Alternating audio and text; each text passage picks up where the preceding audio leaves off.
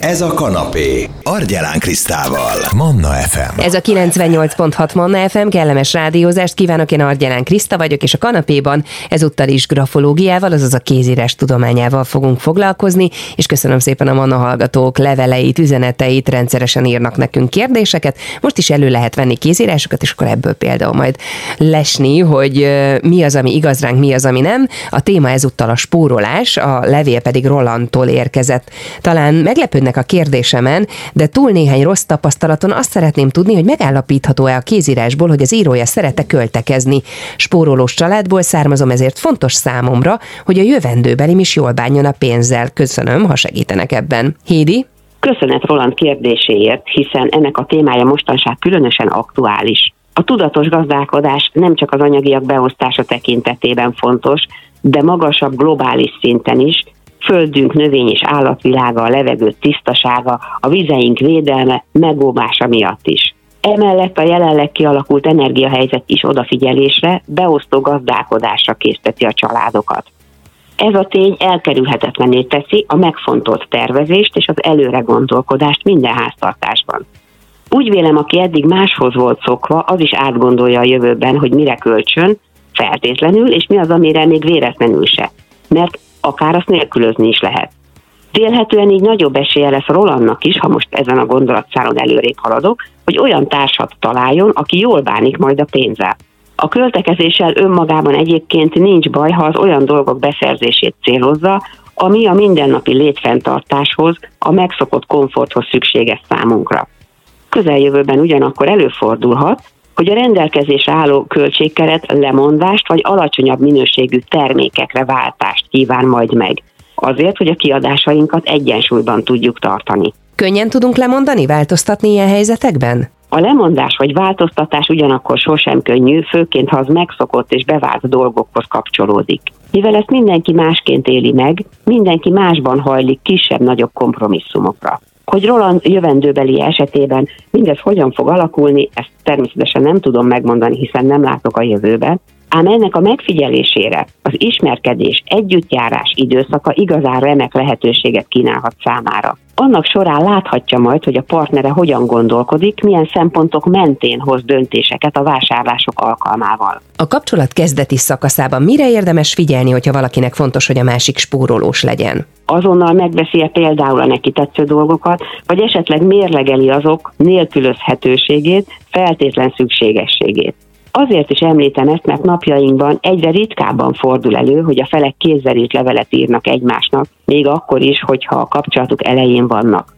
Ám ha Roland olyan szerencsés lesz, hogy ez meg fog történni a partnere részéről, úgy főként a következő jellemzőkre érdemes figyelni a kézírásban. Mire figyeljen valaki a kézírásban, hogyha netán a másik fél spórolási hajlamára kíváncsi? Milyen például az írás térkitöltése?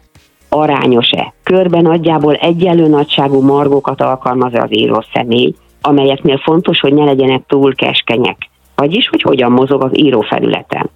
A leírt szöveget mennyire rendszerezi és tagolja, alkalmaz-e például bekezdéseket, a sorok következetesen azonos irányúak-e, és nagyjából azonos távolságúak-e.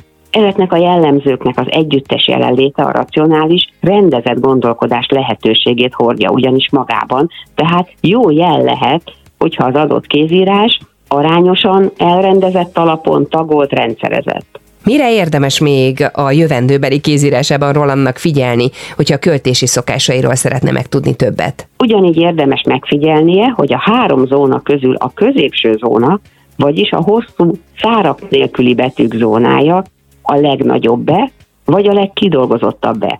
Ez a zóna ugyanis a grafoszimbolika szerint a gyakorlatiasság zónája. Azt is érdemes megfigyelnie, hogy következetes a betűk dőlése. Azaz minden betűszár ugyanazon irányban dől le az írás során. Ez ugyanis céltudatosságot hozhat fókuszba az író személy részéről. Előfordulnak az írásban lapszélig kifutó sorok.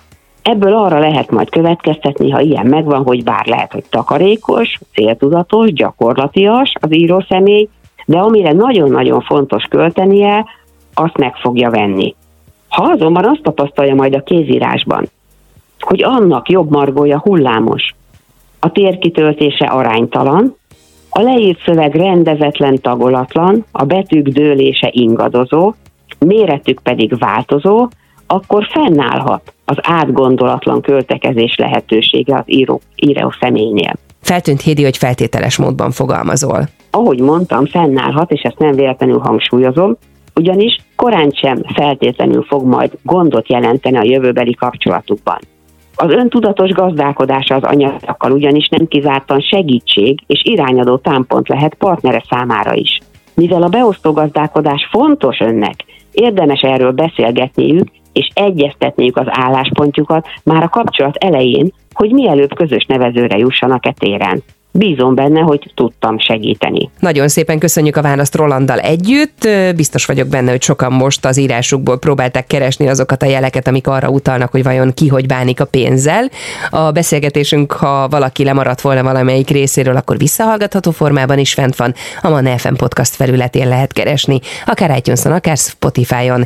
És persze, ha kell Hedvig grafológus igazságügyi írás szakértővel, a folytatásban is várjuk a Manna hallgatók kérdéseit. E-mail címem argyelem.krisztinakukac mannafm.hu. Manna, ez a kanapé, Argyelán Krisztával. FM.